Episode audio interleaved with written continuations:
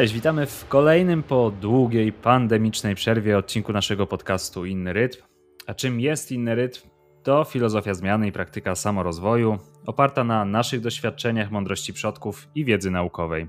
Cieszymy się, że mamy możliwość znów odezwać się do Was, drodzy słuchacze, no i porozmawiać o tematach, które nas ciekawią w kontekście rozwoju człowieka, no i generalnie społeczeństwa.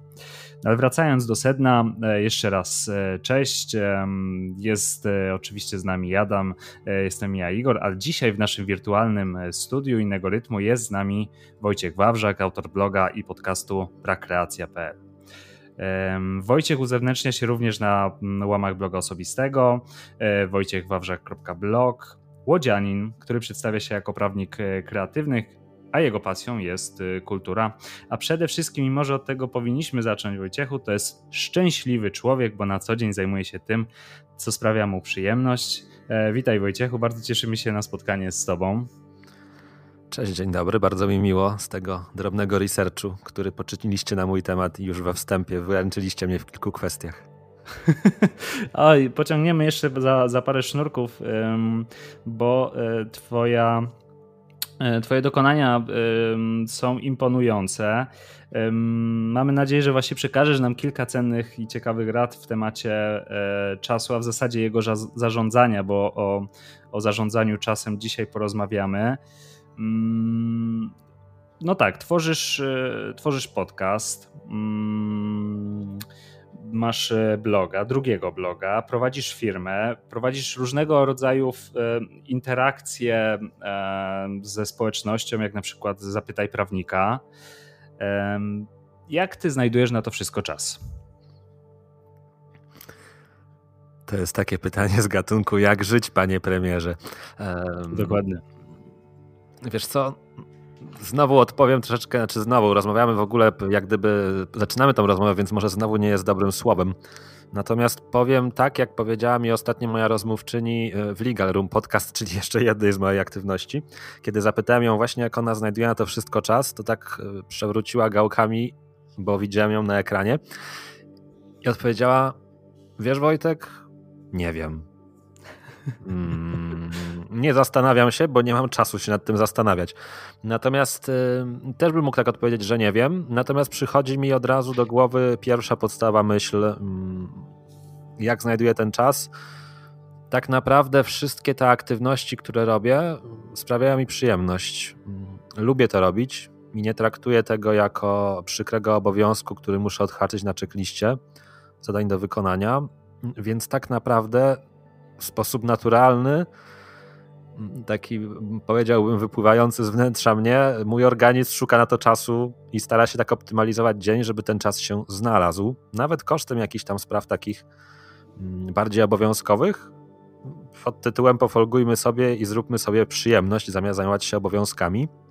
I myślę, że ta zmiana e, optyki i zmiana sposobu patrzenia na pewne sprawy pozwala ten czas znajdywać w sposób taki trochę naturalny. No bo zobaczmy, że jako patrzymy na mój blog firmowy, nazwijmy go firmowym, mm, czyli ten, który generuje klientów do kancelarii, czy też popatrzmy na mój podcast, czy popatrzmy na moje social media, no to wiele osób mogłoby powiedzieć: No, Wojtek, to, to tego tyle. No właśnie, jak znajdujesz na to czas? Przecież masz pracę z klientami, masz pilnowanie współpracowników, tak to nazwijmy, organizację pracy kancelarii i ciągle jeszcze gdzieś postujesz, piszesz, nagrywasz. To jest nienormalne. No i gdyby to wtłoczyć w taki reżim obowiązkowości, to faktycznie pewnie byłoby to nienormalne, bo by mi się zwyczajnie nie chciało. Natomiast ponieważ ja traktuję to jako odskocznie od codzienności i coś, co sprawia mi Friday i przyjemność, to jak gdyby naturalnie znajduję na to czas. I tak spojrzałem teraz kątem oka na, na, na wyświetlacz czasowy, który odmierza czas mojej pierwszej wypowiedzi i może w tym miejscu zrobię pauzę i pozwolę wam e, coś doprecyzować, dopytać, e, wtrącić się, żeby to nie był taki monolog. Ja, ja się od razu wtrącam szybciutko, zanim Igor się wtrąci. Tak wczoraj rozmawialiśmy, jak będziemy e, koordynować tę rozmowę i stwierdziliśmy, że ponieważ jest o czasie, to kto pierwszy, ten lepszy. Wojtku, czy tak zawsze było? Czy był jakiś moment, w którym ty jakby zacząłeś koncentrować się na, na, na tym procesie ogarniania rzeczywistości?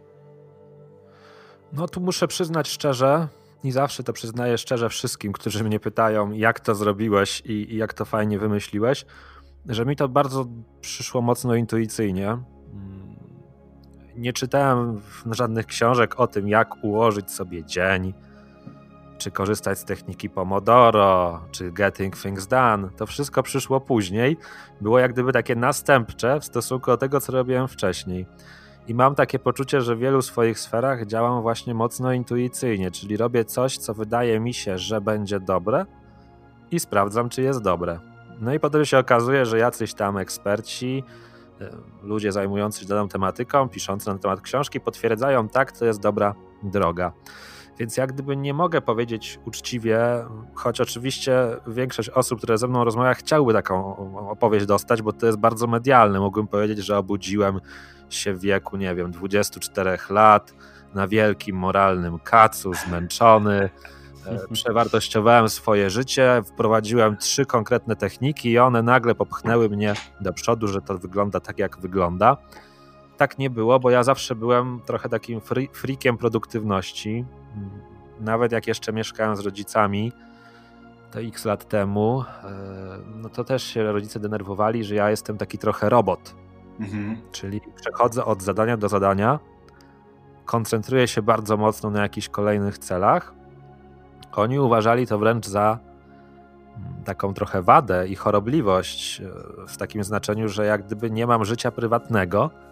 Mhm. Natomiast ja nigdy na to nie patrzyłem w ten sposób, ponieważ jak gdyby trzy czwarte moich, nazwijmy to, obowiązków związanych nawet z kancelarią, to powiedziałbym nadal jest moje życie prywatne, to znaczy ja po prostu w tym się realizuję, ja to czuję, ja to lubię i to jakoś zawsze wszystko się ładnie zazębiało i ładnie grało.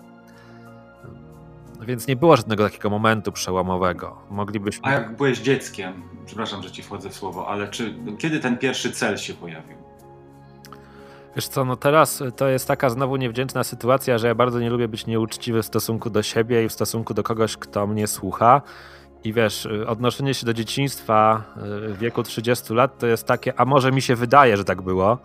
Mhm. Także jeżeli chodzi o jakieś tam cele stawiane sobie w dzieciństwie, no to nie jestem w stanie oczywiście o tym uczciwie powiedzieć, bo nie pamiętam takiej sytuacji.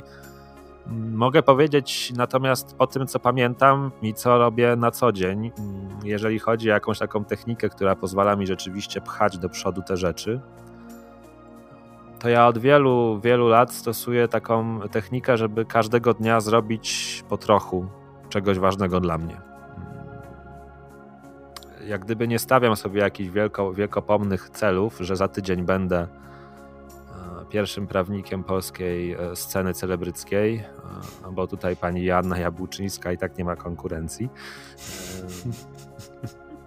W ogóle to nie jest żaden przekąs, żadna ironia, od razu powiem, bo słuchałem podcastu z Joanną Jabłczyńską i fantastyczna prawniczka, naprawdę imponujące ma osiągnięcia i też w zarządzaniu czasem.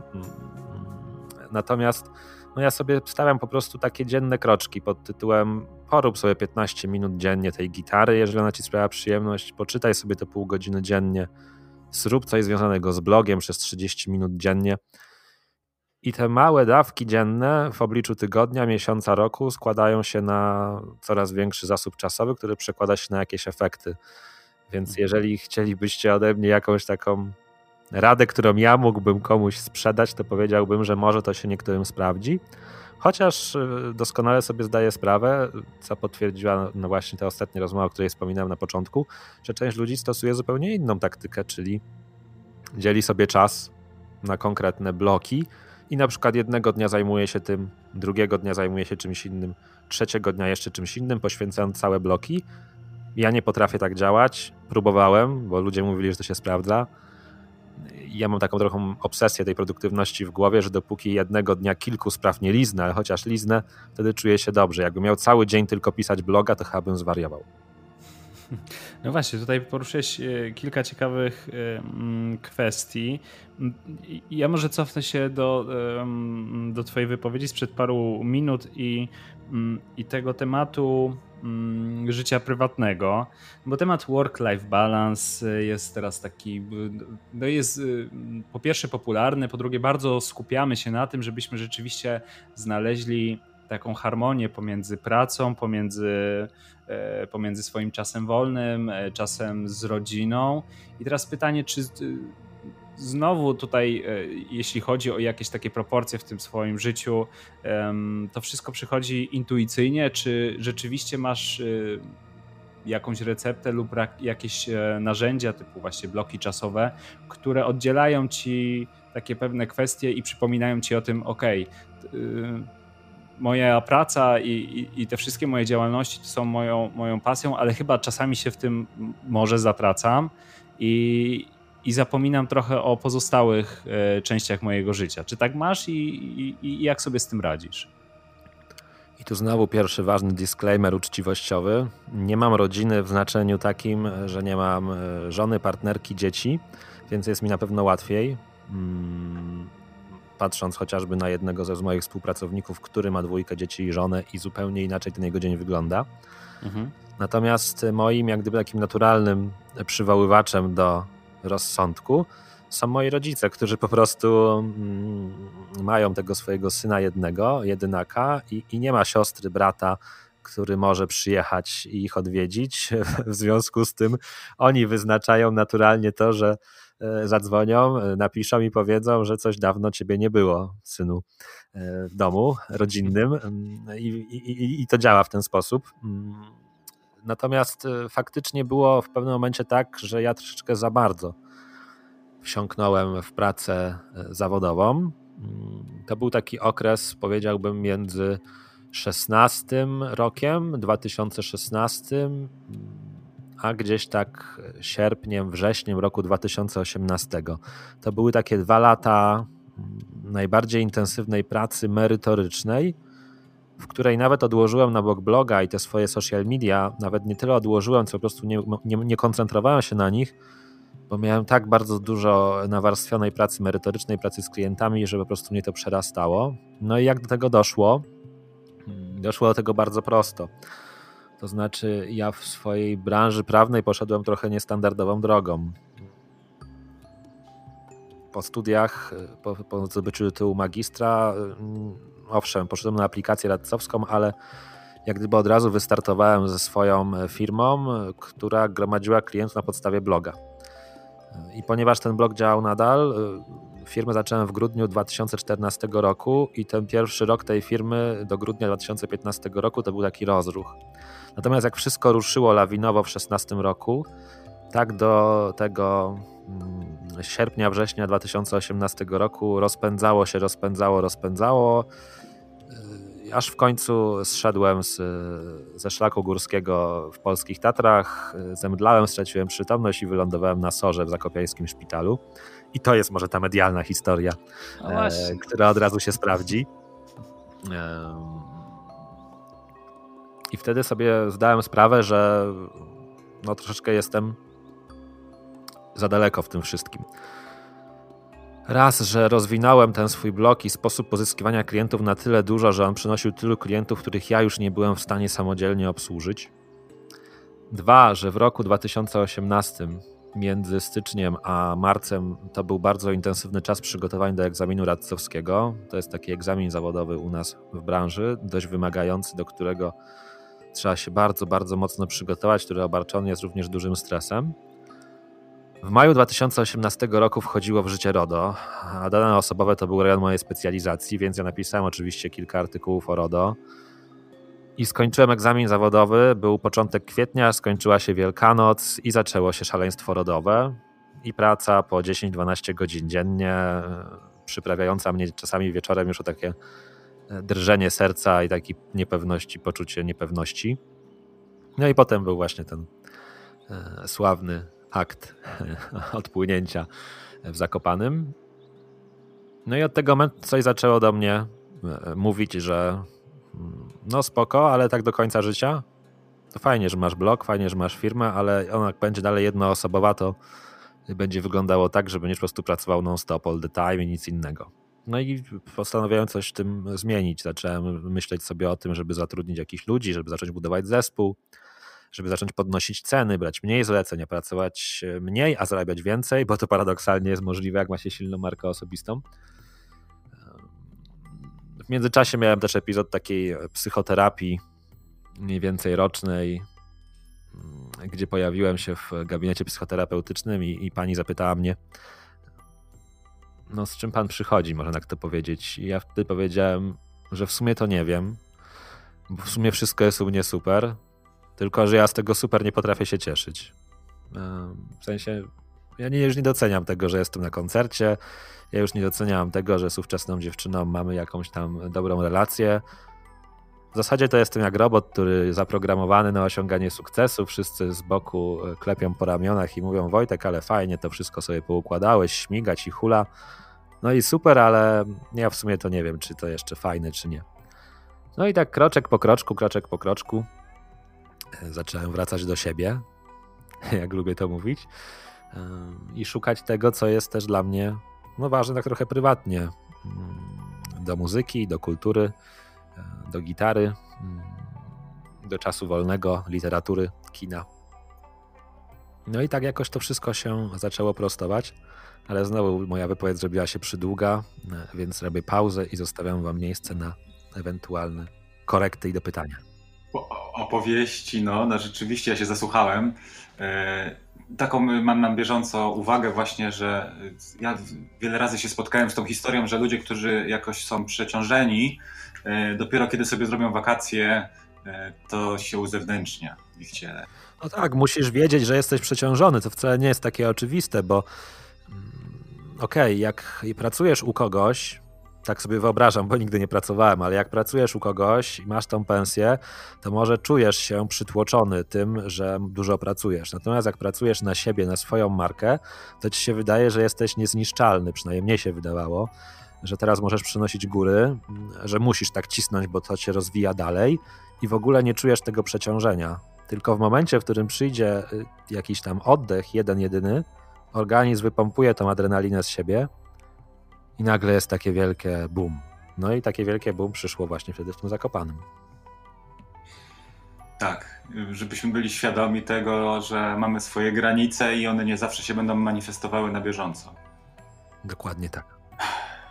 Mm, czy mm, opowiedz trochę więcej na temat tej psychoterapii? E, bo mm, wydaje się być e, to bardzo ważnym e, aspektem i dosyć ciekawym, e, e, patrząc sobie na, na dzisiejsze czasy, w których rzeczywiście tracimy gdzieś takie poczucie równowagi, a szczególnie tak jak wspominałeś o budowaniu marki osobistej, to przecież budować markę osobistą możesz 24 godziny na dobę, bo tak naprawdę wszystkie twoje działania służą temu, żeby tą markę osobistą zbudować. I e, czy ta psychoterapia nauczyła cię bardziej e, bycia takim wyczulonym i znajdywania e, takich punktów, w których sobie mówisz na przykład ok, robię pauzę, albo ok, w sumie po co to robię, e, czy, czy jakieś takie narzędzia z, z, zacząłeś używać w takim codziennym swoim, swoim życiu? Narzędziownik Wawrzaka, część pierwsza. Wiesz co, no znowu trudno mi o to pytanie odpowiedzieć tak jakimiś punktami. Też od razu znowu kolejny disclaimer, że to nie była oczywiście tylko psychoterapia skupiona na braku radości z codzienności. Tam mhm. było też troszeczkę innych kwestii osobistych, w nie, nie będziemy wnikać. Mm, natomiast y, ten proces zachodził naturalnie. Jak zobaczyłem, że to jest możliwe, że ja mogę klientowi powiedzieć, dwukrotnie wyższą stawkę, powiedzmy, i ze 100 klientów zrobić 50, bądź z 10 5, już nie, nieważna skala, i w tym samym czasie mogę utrzymać pewien poziom przychodów i stylu życia, nazwijmy go stylem życia pieniężnego, a jednocześnie robić przestrzeń dla siebie, no to taka wizja zaczęła być bardzo kusząca, bo wtedy sobie przypomniałem, że przecież ja naprawdę miałem wiele zainteresowań i fajnych rzeczy, które mogę robić obok, które paradoksalnie znowu mm, również wpisują się w budowanie tej marki osobistej, w której powiedziałeś, bo jak gdyby moja specjalizacja prawna połączona z obsługą branży kreatywnej no to te działania prywatne mam takie wrażenie również w pewien sposób budują również markę osobistą zawodową, ją uwiarygadniając, że ja nie jestem prawnikiem kreatywnych z nazwy, ale mogę być prawnikiem samego siebie, bo też trochę kreatywny jestem. Mhm. Więc jak gdyby to wszystko mm, naturalnie ewoluowało. I wiadomo, że to nie są przełomy z dnia na dzień, bo to nic nie dzieje się z dnia na dzień. Natomiast e, też żadnych takich punktów milowych w tej chwili, które przychodzą mi do głowy, nie mam. Krok po kroku to jak gdyby się działo. Z każdym kolejnym miesiącem, kwartałem coraz mniej czasu poświęcałem na stricte pracę taką merytoryczną, czyli pisanie umów, udzielanie konsultacji, rozmowy z klientami. Coraz więcej na pracę organizacyjną, bo ona sprawiała mi przyjemność, i coraz więcej na aktywności osobiste. No i doszliśmy do tego 2021 roku, w którym powiedziałbym, że przewagi jest obecnie życia prywatnego i spraw takich około zawodowych nad stricte pracą merytoryczną więc udało się to zrobić. Mm, ja też chyba nie jestem, tak sobie myślę głośno, nie jestem zwolennikiem takich rad, które często padają pod tytułem wdróż jakieś narzędzie i ono będzie dla ciebie pracować od razu. Ja bym jednak, e, jako słuchacz takiego podcastu, jeżeli bym go słuchał, to bym sobie raczej starał się myśleć, nie muszę robić wielkich rzeczy i wielkich zmian, żeby coś zmienić w swoim życiu, bo to nie jest tak, że ja sobie powiem, mhm. dzisiaj jest dzień 21, 22 stycznia, od poniedziałku, od dnia 25 stycznia nie będę tyle pracował. Nie będę pracował 8 godzin, tylko 4. No nie da się od piątku do poniedziałku przez 3 dni w weekendzie zmienić tak swojego życia. Natomiast ja jak sobie powiem, że będę się starał pracować mniej, co oznacza, że wyjdę 15 minut wcześniej z pracy w poniedziałek, to jest większe prawdopodobieństwo, że mi się to uda. Więc myślę, że ta filozofia małych kroczków jednak e, byłaby takim moim przewodnikiem i taką e, radą dla tych, którzy by szukali jakichś takich inspiracji, co zmienić w swoim życiu, bo nasz mózg, myślę, radzi sobie bardzo, bardzo źle z takimi drastycznymi zmianami. Jak go tak od razu zestresujemy i weźmiemy w taką kanwę tego, że musi się zmienić wszystko natychmiast, to nawet jak nam się to uda, to po tygodniu wrócimy, bo nie jesteśmy stworzeni do przeprojektowania swojego życia w jeden dzień. No dokładnie. Y, tutaj y, to, to, tak to samo mm, tyczy się i, i budowania nawyków, i, i, budowania takich nawyków y, żywieniowych. Lepiej to robić rzeczywiście e, małymi e, krokami. Mm, o co chciałem Ciebie zapytać, to to u Ciebie nastąpiła taka transformacja, że e, z tego co zrozumiałem, kiedyś były rzeczywiście one man, one man show, czyli generalnie i obsługiwałeś sam klientów i jakby mm, doszedłeś do takiego punktu, w którym zacząłeś delegować zadania innych. E, jakby w wielu tych mentorskich książkach kluczem do największej ilości czasu dla siebie jest właśnie delegowanie e, zadań, co jest e, prywatnie moim największym e, problemem. Jak ty, jako osoba kreatywna, jako osoba mm, zorganizowana i jakby mocno dbająca o, o, o budowę swojej marki osobistej, jak sobie zacząłeś radzić z tym, że delegujesz zadania e, innym. Czy to przysparzało ci jakichś problemów, czy okazało się to dla ciebie dosyć naturalne i proste? Standardowy problem, czyli taka e, chęć nadmiernej kontroli. Teraz wszystko oczywiście zależy od sfery, w której delegujemy. Bo jeżeli delegujemy zadania, na których po prostu się nie znamy, bądź na których e, znamy się, ale nie do końca nam to wychodzi, na przykład w moim przypadku jest to tworzenie grafik i całej oprawy wizualnej, no to, to, to delegacja tego jest po prostu banalna i nie, w ogóle nie robi w mózgu żadnego wyłomu. Bo odczuwam, że mój mózg dostaje sygnał pod tytułem Wojtek, nie znasz się na tym, więc dajesz komuś, ktoś, płacisz mu, dostajesz super materiał. To jest proste. Natomiast delegowanie na przykład pracy merytorycznej, w której czuję się w tej chwili mocny i dobry, no ma rodzi takie w mózgu konotację inną, to znaczy, czy ten człowiek, któremu ja to deleguję, zrobi to wystarczająco dobrze. A po drugie, grafika grafiką najwyżej będzie mało dopracowana i ktoś napisze w komentarzu w social media, że jest do bani. Natomiast jeżeli klient, który zapłacił za usługę, dostanie do bani umowę, do bani regulamin, do bani konsultacje, no to bardzo szybko ta delegacja zadań sprawi, że ja stracę tą markę, na którą pracowałem. I to była moja największa obawa. Mm, no i tu oczywiście kluczowy jest dobór ludzi z jednej strony dobór ludzi, ale z drugiej strony również pozwolenie im na wykazanie się i takie zaufanie. Bardzo łatwo jest wpaść, mam wrażenie, po swoich przypadkach, po swoich doświadczeniach w takie kontrolowanie wszystkiego i wszystkich na każdym etapie. Mhm. I w pewnym momencie musiałem sobie dać takie prawo, że nie musi być wszystko zrobione identycznie tak, jak ja bym to zrobił. Okej, okay, ja mam jakieś standardy, ja się tymi standardami, standardami z ludźmi, z którymi współpracuję, dzielę, ale zostawiam im przestrzeń na to, żeby oni robili po swojemu, nawet jeżeli to byłoby w jakiś sposób, powiedzmy, mniej doskonałe, czy po prostu inne. I na początku to się fiksowałem, że wszystko muszę sprawdzić, wszystko muszę dopieścić, wszystko musi być e, tak, jak ja bym to zrobił, więc tak naprawdę szukałem jakichś swoich klonów. No a wiadomo, że, że klona nie znajdziemy, bo każdy z nas jest jak gdyby unikalny i indywidualny i nie chodzi tu o pompowanie sobie ego, tylko o to, że tak po prostu jest. No i potem sobie pomyślałem, że zróbmy taki test. Nie, niech ten ktoś zrobi po swojemu, wyślę to do klienta, a ja klienta potem zapytam, jak mu się to podoba. No i okazało się, że wszystkim klientom się to super podoba.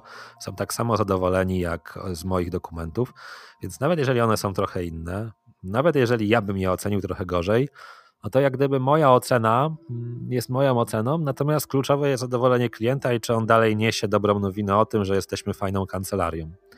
No i w ten sposób otworzyłem sobie w głowie furtkę na to, żeby jednak te zadania, które najmniej lubię, bo ja często mówię, że najmniej czuję się prawnikiem w tym wszystkim tak naprawdę, czyli ta praca merytoryczna, mhm. deleguję ją na inne, na inne osoby, które ją wykonują, plus y, jak gdyby dwa lata współpracuję z, w tej chwili już aplikantem radcowskim. Jak zaczynaliśmy współpracę, był studentem czwartego roku, no, który można powiedzieć jest takim moim, mm, najpierw był asystentem, teraz już jest bardziej samodzielny, ale to jest ta osoba, w której rozwój również inwestuje jak gdyby swoje pokłady czasowe, czyli z nim spędzam najwięcej czasu mm, nad tym, żeby poprawiać to, co on robi. Mm, no a żeby on finalnie również był w pełni samodzielny. Czyli mam grupę podwykonawców, którzy po prostu realizują wszystko, odciążając mnie w 100%. I jednego zaufanego człowieka, który, któremu poświęcam swój czas na jego rozwój, który ja jego rozwój przekłada się również na rozwój kancelarii. Więc tak z tą delegacją zadań mm, się rozprawiłem. A czy y, rolę mentora przyjmujesz też w, świadomie w jakiś sposób? Wiesz co? Ja nie mam chyba takiego poczucia bycia mentorem.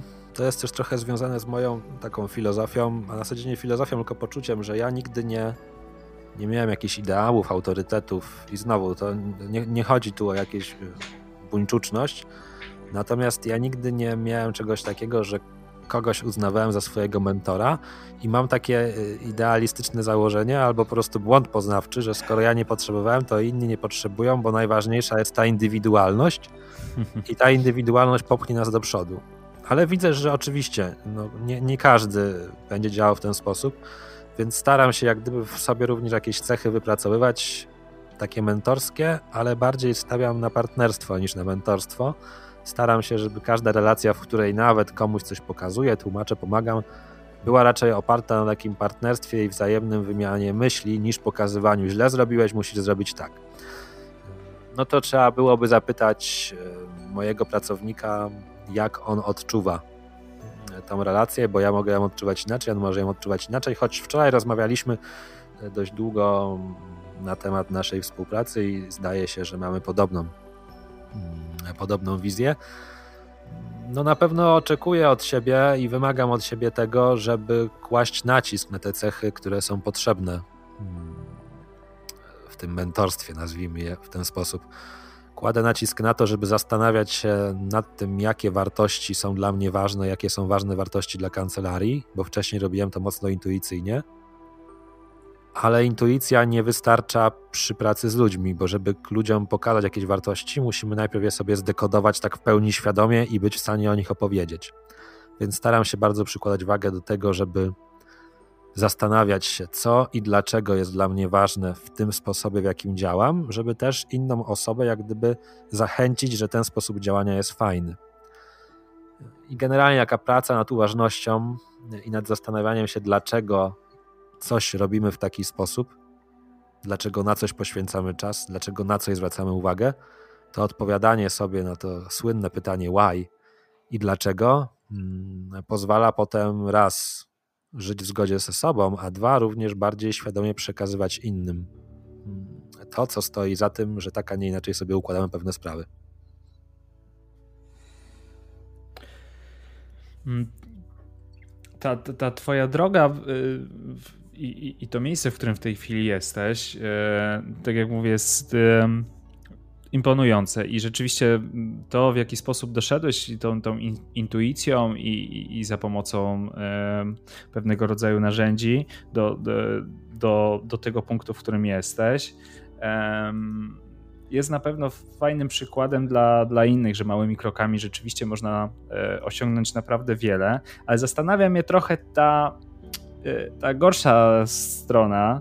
E, czy masz jakiś taki takich, e, taki zestaw pożeraczy czasu, z którymi na przykład ciężko jest ci się, e, ciężko jest ci się uporać, albo czy w ogóle występują w, w twoim e, codziennym harmonogramie, czy jesteś na tyle zdyscyplinowaną osobą, że potrafisz sobie rzeczywiście odsunąć jakiekolwiek pożeracze czasu e, i, no i radzić sobie z tym. Standardowy pożeracz czasu, myślę, taki, jaki występuje u wszystkich dzisiaj są social media. Nienawidzę siebie za to.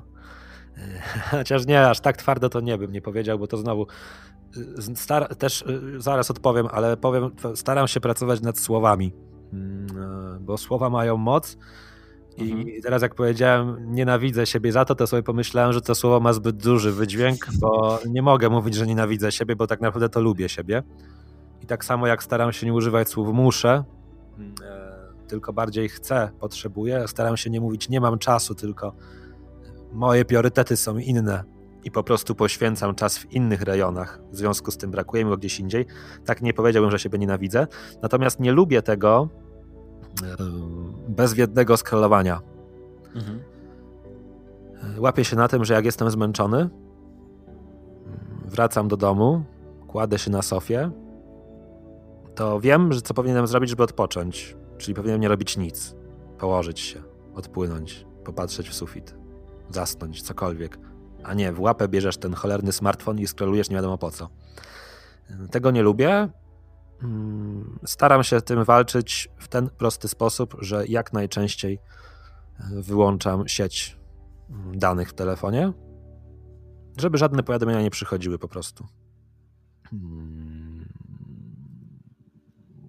Natomiast jeżeli chodzi o te pożeracze czasu, to ja bym powiedział przewrotnie, że ja staram się sobie dawać przestrzeń na pożeracze czasu. Że przestałem siebie karać za to, że mi czas ucieknie. Mhm. Powiem to na przykładzie z wczoraj. Wczoraj miałem dość intensywny dzień, bo wyszedłem z domu o 7.20. Wczoraj był dzień babci, moje babcie nie żyją, byłem na cmentarzu. Byłem odwiedzić również dziadka z okazji dzisiejszego dnia dziadka zajrzałem do rodziców oddać tacie samochód i byłem u siebie w domu gdzieś o godzinie 19. I na mojej checkliście prywatnej była jeszcze gitara, był jeszcze angielski, było jeszcze czytanie, może obejrzenie jakiegoś odcinka serialu. No i czułem, że jeżeli to wszystko zrobię, jestem w stanie to zrobić, jestem w stanie się spiąć, jestem w stanie powiedzieć sobie Wojtek, do dzieła. No nie może być tak, że w tym tygodniu będziesz tylko trzy razy ćwiczył na gitarze. To jest niemożliwe. No i miałem taką myśl, no dobra, no to nie ma co mi trężyć czasu, nie kładziemy się na żadnej kanapie, e, szybciutka herbatka, ustawiamy mikrofon, ustawiamy sobie aplikację, z którą sobie korzystam do, do, do, do gitary, jedziemy. A i potem mi się pojawiło z tyłu głowy, halo, halo, tutaj baza, Zordon, przyzywam cię, przecież obiecywałeś sobie w tym roku trochę więcej świadomości i też dawania sobie przestrzeni na odmienności, nawet na to pożeranie czasu przez coś innego. No i stwierdziłem, dobra, naprawdę jestem dzisiaj dość zmęczony fizycznie, nie musi ten wieczór wyglądać tak, jak wygląda zawsze. Natomiast to nie skończyło się tak, że leżałem na kanapie i nie robiłem nic, ponieważ napisała do mnie przyjaciółka o jednej ze swoich historii w urzędzie, w którym pracuję, która mnie zainspirowała na tyle, że usiadłem i zacząłem pisać. I napisałem opowiadanie o tytule Bomba w górę czarny. Ona się w sobotę ukaże na moim osobistym blogu. I można byłoby, y, i wiadomo, ten, ten, ten Golum, ten Wojtek tam z tyłu głowy mówiący, Dzisiaj nie jest czas na pisanie. Wojtek, dzisiaj nie możesz pisać, bo nie zrealizowałeś tych celów, które są nadrzędne. Powinieneś ćwiczyć na gitarze pięć razy w tygodniu, żeby mieć postępy. Nie wolno ci dzisiaj pisać, odłóż tą klawiaturę, weź się za gitarę. Natomiast pozwoliłem sobie pożreć ten czas przez pisanie. I znowu pewnie powiecie, że ok, czyli nie to, że odpoczywałeś, bo pisałeś, ale jednak e, dla mnie było to, byłem z tego dumny na koniec dnia, kiedy kładłem się do łóżka, że pozwoliłem sobie zrobić coś innego, co mnie naprawdę mega nakręciło energetycznie, bo jak postawiłem ostatnią kropkę w tym opowiadaniu, to po prostu poczułem taki mega flow energii. Więc jak gdyby nie staram się patrzeć w tej chwili na pożeracze czasu, nie analizować tego, czy to pożera mój czas, bo mam do tego zbyt dużą skłonność i ciągłe analizowanie, czy coś zabiera mój cenny czas, E, stresuje mnie za bardzo i za duży kagan, kaganiec na mnie nakłada, więc ja jak gdyby podchodzę do tego wszystkiego, że nawet jeżeli coś obiektywnie mogłoby zostać uznane za pożeracz czasu, to niech pożre mi ten czas. W tej chwili, bo u mnie to pożeranie czasu jest jak najbardziej wskazane i ten relaks i odmienności i wychodzenie poza checklistę jest jak najbardziej pożądane. Koniec części pierwszej. Na część drugą zapraszamy za tydzień.